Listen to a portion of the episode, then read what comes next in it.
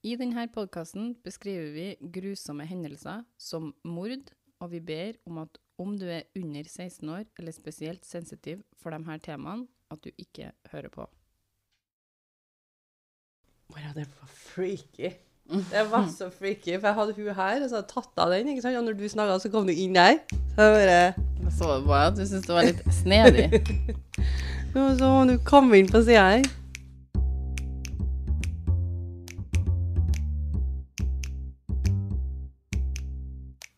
Hei, hei, alle sammen. Nå er vi tilbake for å ha en liten pause med, OK? Du lytter nå til meg, Maria, og søstrene mine. Andrea? Martine. Vet dere hva jeg gjorde i forrige uke? Nei. Jeg var med på radiobingo med noen venner. Det var ganske stressende. Var det? Ja, vi hadde jo sånn eh, Altså, det er jo bingo, sant? Ja. men det er jo på radioen, så du føler at du, Og når du får bingo, så må du begynne å ringe inn.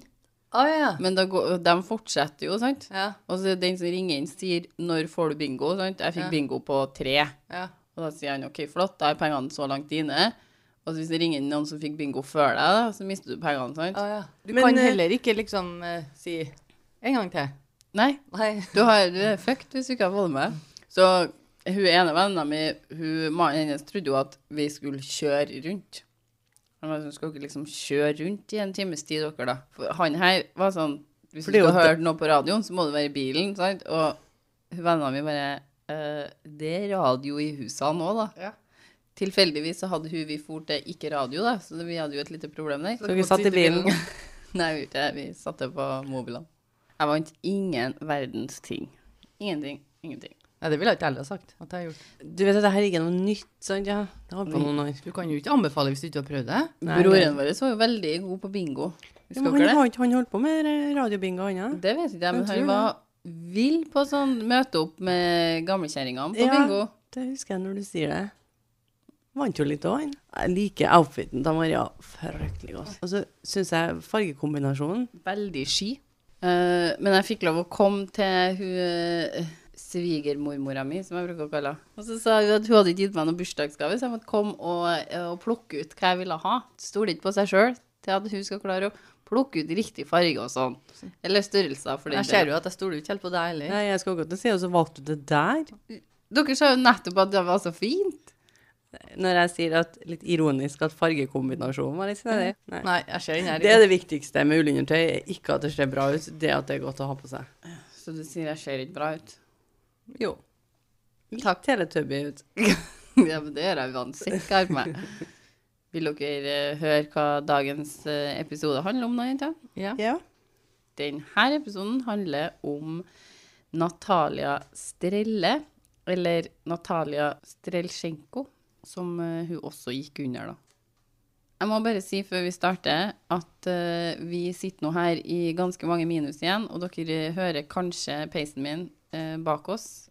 Så eh, beklager hvis dere hører den, men eh, vi må ha noe varmekilde på, og det er bedre enn duringa av varmepumpa, tenkte vi. Andrea sitter med bikkja til Maria i fanget og prøver å varme seg på den. Ja. Den saken her er en sak jeg har fått eh, tips om eh, fra en av lytterne våre, som kjenner noen i saken.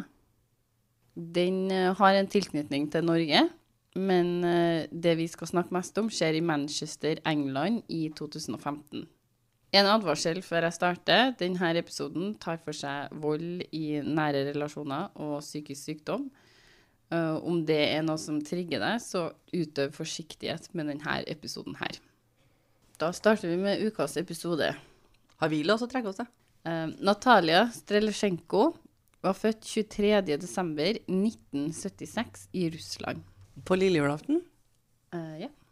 Hun var pianist, og på Find the Grave står det at hun studerte ved St. Petersburg State Conservatory og Norwegian Academy of Music, men debuterte som solopianist allerede som tolvåring ved St. Petersburg. Hun hørtes ut som sånn, litt sånn barnegeni. Uh, ja, hun var veldig flink på piano. Men du sier norsk skole? Ja, Uh, hun har gått på Norwegian Academy of Music, ja. I Norge? I Norge. Eh, Pianospillinga hans eh, har vært med på flere steder, bl.a. Agathe Bakker Grøndal sin Complete Piano Music. Da. Eh, hun hadde doktorgrad i Arts Research og var en musikkvitenskapelig forsker. hvor hun fordypa seg i historisk pianoteknikker. da. Oi, hun der er I 2014 fikk hun seg jobb som assisterende professor ved Conservatory of Belfort i Frankrike. Og hennes egen profil på Stars Now forklarer at hun har en bachelor fra St. Petersburgs Theater Institute fra 2000, og hun var med i noen forestillinger med Stein Winge i Norge i 2008 til 2010.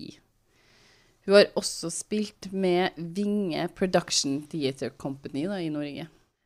Der står det også eh, en diverse reviews hun har fått for konserter og lignende, bl.a. fra The Times og The Independent. Og kort fortalt så var hun magisk på piano. På et, altså et ekspertnivå. Hun var veldig, veldig flink på pianoting. De snakka jo om hva hun var flinkest i, i men det var veldig sånn pianosjargong som jeg ikke skjønte så veldig mye av, så Det må være helt sykt å kunne si at man på en måte er på ekspertnivå på én ting. mm. At man liksom virkelig har lagt hele sjela si inn i Sånn at du blir liksom en av de beste, på en måte. Men hun kan jo ikke bare instrumentet, hun kan jo alt historien rundt det og alt det. I en artikkel fra Torbjørn Brandengen står det at eh, selv om Natalia var russisk, så hadde hun bodd i Norge i over 15 år og spilt på mange kjente plasser rundt om i verden, bl.a. Carnage Hall i New York. Og den skal jo være sånn kjempestor. Og fem kjempefin. I en artikkel fra Nettavisen blir det forklart at Natalia flyttet til Norge med sin daværende mann fordi han hadde fått jobb som organist, og i en artikkel fra Aftenposten står det at eh, Natalia kom til Norge i 1997 som 18-åring for å studere, og det står at grunnen til at Natalia flyttet til England i 2013 er fordi sønnen hennes fra det første ekteskapet får plass på en av Englands beste musikkskoler. Du sa han eh, skulle jobbe som Organist. Og hva er det? Sånn. Dun, dun, Å ja. Kirka. Så, å ja. Orgel. Orgel. Orgel. Natalia gifte seg på nytt med en norsk mann den 13. august i 2013. Gifta seg på nytt. Flyttet til Norge med sin daværende mann, men det blir slutt mellom dem, og så gifta seg på nytt med en norsk mann i 2013. Ifølge en artikkel på BBC så møtes de i 2007. Han eh, kaller seg John Martin når de bor i England, men heter egentlig Jon Skogbakken. Eh, og det er en norsk mann. Jeg kommer nå bare til å kalle han John. John, eh, sånn som han blir kalt i England. John er òg en musiker. Hans musikkinstrument er kontrabass. The Strand sin artikkel om saken beskriver at John hadde spilt i forestillinger med Stavanger og Trondheim symfoniorkester, The Moscow Music Academy og Berlin Kamerata. Det nevnes også i en artikkel at han fungerte som Natalia sin manager. Det eneste jeg har i hodet mitt nå, er en kontrabass. John måtte bare tre dager etter de gifta seg stille i retten, tiltalt for å ha utøva vold mot Natalia. Nettavisen sin artikkel skrevet av Maria Schiller Tønnesen beskriver at han i 2013 blir dømt for vold mot kona si Natalia, og blir dømt til 90 dager fengsel av Oslo tingrett. Det blir sagt i Nettavisen sin artikkel at ifølge den dommen så hadde John tatt hardt rundt halsen til Natalia, sånn at hun ikke fikk til å puste, og han hadde sagt at hun ikke fikk lov å forlate den. Eneste løsninga var at hun døde først, og han døde etterpå. OK. Så John og Natalia de flytter til England, Manchester, i 2013.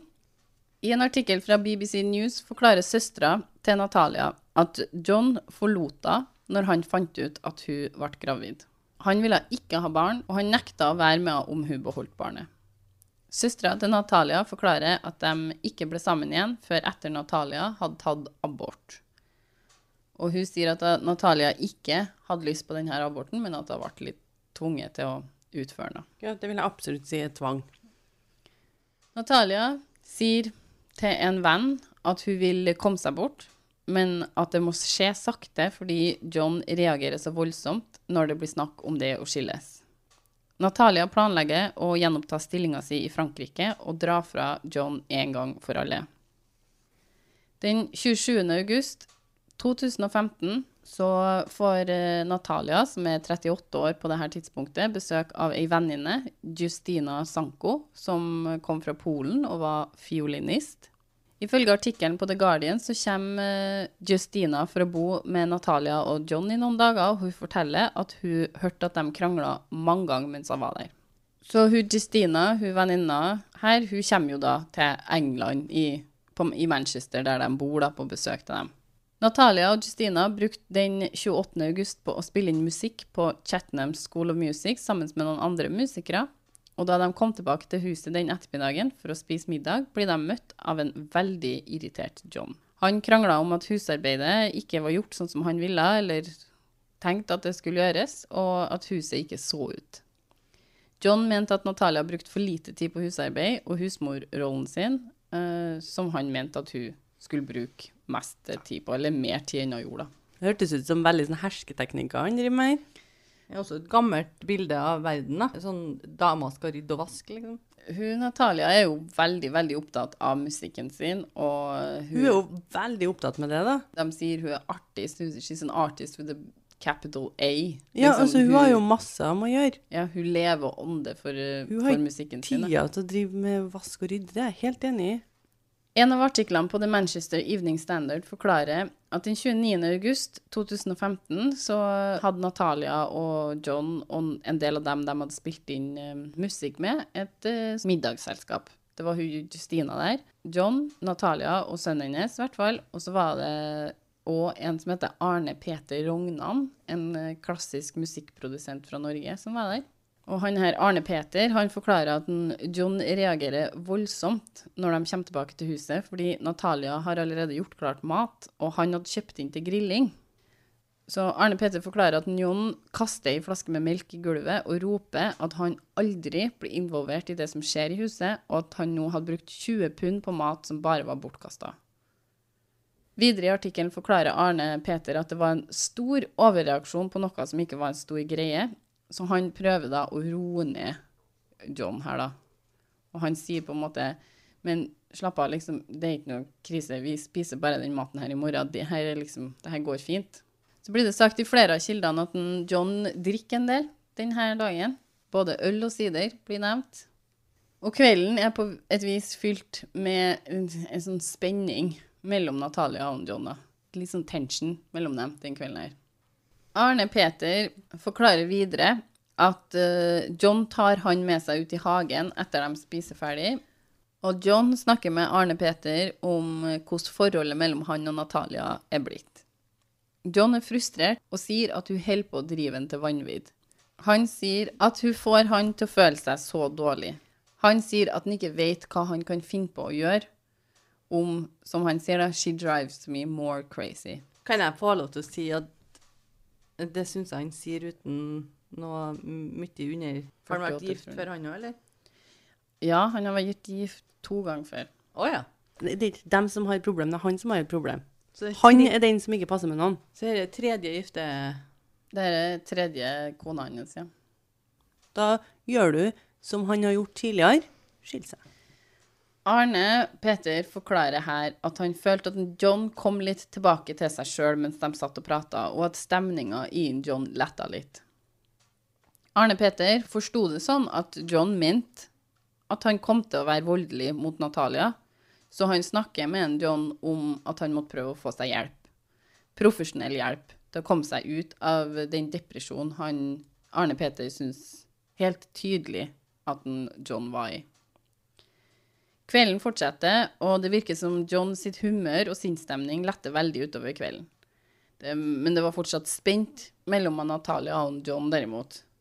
Han driver og danser mm, når han sier en, eh, en vits, eller noen sier en vits, så driver han og danser og har, syns det her er veldig artig, og da forlater hun rommet, for hun syns ikke det her er festlig i det hele tatt. Så det var litt sånn småting hele tida som på en måte Den vitsen var jo sikkert, sikkert utover henne, da. Når kvelden var ferdig, forklarer Arne Peter at han sa ha det til Natalia. Han eh, ba om å få seg en god natts søvn, og sier til henne at morgendagen kommer til å bli en bedre dag. Videre forklarer Manchester Evening Standard-artikkelen her um, at han tar med seg en John når han drar fra huset, og kjører John til ei lokal kirke hvor John tenkte han skulle spille litt orgel. John midt på natta. Nei, det er ikke sånn kjempesent. Tiers, kanskje. OK. Det er ikke midt på natta, nei. Nei. Det Men det er det han vil gjøre der og da nå? Ja. Han hadde eh, nøkler til den kirka her. John sender litt senere ei melding til Arne Peter og sier takk for samtalen de hadde hatt sammen, og forklarer at han, han har følt seg ensom hele sommeren, og at Natalia har holdt han på avstand siden november året før. I en artikkel fra The Guardian forklarer Justina, venninna til Natalia, at hun blir vekt den natta av at Natalia roper og skriker om hjelp. Hun blir vitne til at John flyr på Natalia og ender opp med å rulle ned trappa med henne, før han setter seg på Natalia og begynner å slå henne i fjeset. Så tar han kvelertak på henne, og Justina forklarer at hun ber og ber om at han skal slutte. Og til slutt så stopper han opp alt og ser opp på Justina og sier 'Jeg har så lyst å drepe henne'. OK. Det her var jo bare en drøy mann. Justina forlater leiligheten og ringer nødetatene. Og Natalia blir funnet ved trappa av dem i live, men hun dør ikke lenge etterpå av skadene hun er blitt påført. Og det her skjer 30. august 2015, på toårsbryllupsdagen deres. Og om det er tilfeldig eller ikke, det skal nå ikke jeg spekulere i, men den er litt snedig, vil jeg si. Her er Grusomt. grusomt. John blir arrestert med en gang, mistenkt for å ha drept Natalia. En eh, artikkel på The Independent forklarer at når politiet kommer for å arrestere han, at John da roper 'Kill me, kill me, please. I have nothing to live for. I don't deserve to live'. Å ja, så når den Nå tenker han at han, han nå skal dø. det bør han jo ikke. Han bør jo sitte inn og tenke på det her i mange år. Eh, og det her er fanga av som bodycam av Ah. politiet. da. Jeg har ikke sett den filmen, her, men uh, jeg vet at den finnes på nettet. da. En artikkel på BBC News forklarer at Natalia hadde 76 skader etter mishandlinga fra John, som inkluderte 45 separate merker på hodet og halsen etter å ha blitt slått gjentatte ganger. En grusom, grusom sak. Under rettssaken kommer det fram ganske mye om forholdet deres. Venner og familie av Natalia forklarer at John var sjalu på fremgangen hennes innenfor musikken, og at han ikke likte at hun var mer fokusert på karrieren enn på husarbeid og det å være husmor, sånn som han anså at hun skulle være. Det blir forklart under rettssaken at politiet hadde vært tilkalt ved tre anledninger når det oppsto krangler dem imellom, i England altså og at John ikke likte når Natalia dro for å møte produsenter og sånt, fordi han mistenkte at det pågikk noe mellom dem. Han er både kontrollfrik og sjalu og alt på en gang, liksom. Søstera til Natalia forklarer under rettssaken at Natalia hadde sagt at John var veldig kontrollerende, og at han ikke likte at hun dro noen plass alene. Flere av kildene forklarer at John ikke bare blir tiltalt for drapet på Natalia, men også forsøk på drap på en mindreårig person som ikke kan navngis av personvern. Og I en av artiklene på Manchester Evening Standard så står det at Natalia poster huset deres på ei sånn her house swap-side rett før drapet skjer. Og det blir teorisert i om en John fant ut det her, og at det er derfor han reagerer så voldsomt når han kommer hjem den kvelden. For hun hadde tenkt seg til Frankrike. Kanskje har tenkt å forlate den. Hun har tenkt å forlate ham. Mm. Det sier hun jo til han der Arne Peter, Okay. at hun, hun elsker han, men at det funker ikke. Nei. Og så sier hun at Eller han Arne Peter sier jo at han, hun har fortalt den her, da. Uh, at um, hun må forlate ham, men det må skje gradvis. Fordi at han reagerer veldig voldsomt hvis det blir liksom tatt opp, da. John forklarer at han hadde drukket mye den kvelden. Han forteller at han var veldig deprimert, og at han hadde tatt rusmidler som gjorde at han ikke husker angrepet på Natalia eller drapet på noe sett og vis. Han innser derimot at han må ha vært den som har gjort det. John sier også at han ikke var sjalu på Natalia, og at han var glad når han fant ut at hun var gravid. Han nekter for å ha tvunget henne til å ta abort, og forklarer at det var hun sjøl som tok den avgjørelsen. Dette forklarer han under rettssaken sin. Han sier seg uskyldig i drapet når han blir stilt for retten, og Forsvaret legger fram påstander om psykisk sykdom som forklaring på det som skjedde. En artikkel på BBC News forklarer at Forsvaret får inn en psykolog som ekspertvitne, som vitner om at dette dreier seg om en alvorlig depressiv episode. Trengte vel ikke noe ekspert for det? I mars 2016 blir John dømt for drapet på Natalia. Han blir frikjent for drapsforsøk på den mindreårige personen, og han blir dømt til livstid i fengsel med ei minstetid på 17 år og 176 dager, ifølge en artikkel på CBC. Det var alt vi hadde for denne gangen. Om du som hører på opplever vonde tanker, tunge tanker eller mørke tanker, eller er utsatt for vold av noe slag, det er hjelp å få. Ingen trenger å gå gjennom det her sjøl. Det fins plasser å få hjelp, og alle fortjener å få hjelp. Mental Helses hjelpetelefon har et nummer du kan ringe hvor som helst i et EU- eller EØS-land og bli satt i kontakt med hjelpetelefon i det landet du oppholder deg. Nummeret er 116 123. 116 123. Vold- og overgrepslinja er ei hjelpelinje for dem som opplever vold eller overgrep i nære relasjoner. Nummeret deres er 116 006. 116 006. Ta vare på dere sjøl. Følg oss gjerne på Instagram. En liten pause. Om du har noen historier til de bitte lille pausene våre, så send oss gjerne en mail på En liten pause. Podkast. Krøllalfa. Gmail.com. Gjerne rate og review podkasten der du kan, så den når ut til flere som kanskje setter pris på den. Tusen takk for at du lytta på. Vi høres. Ha det. Ha det.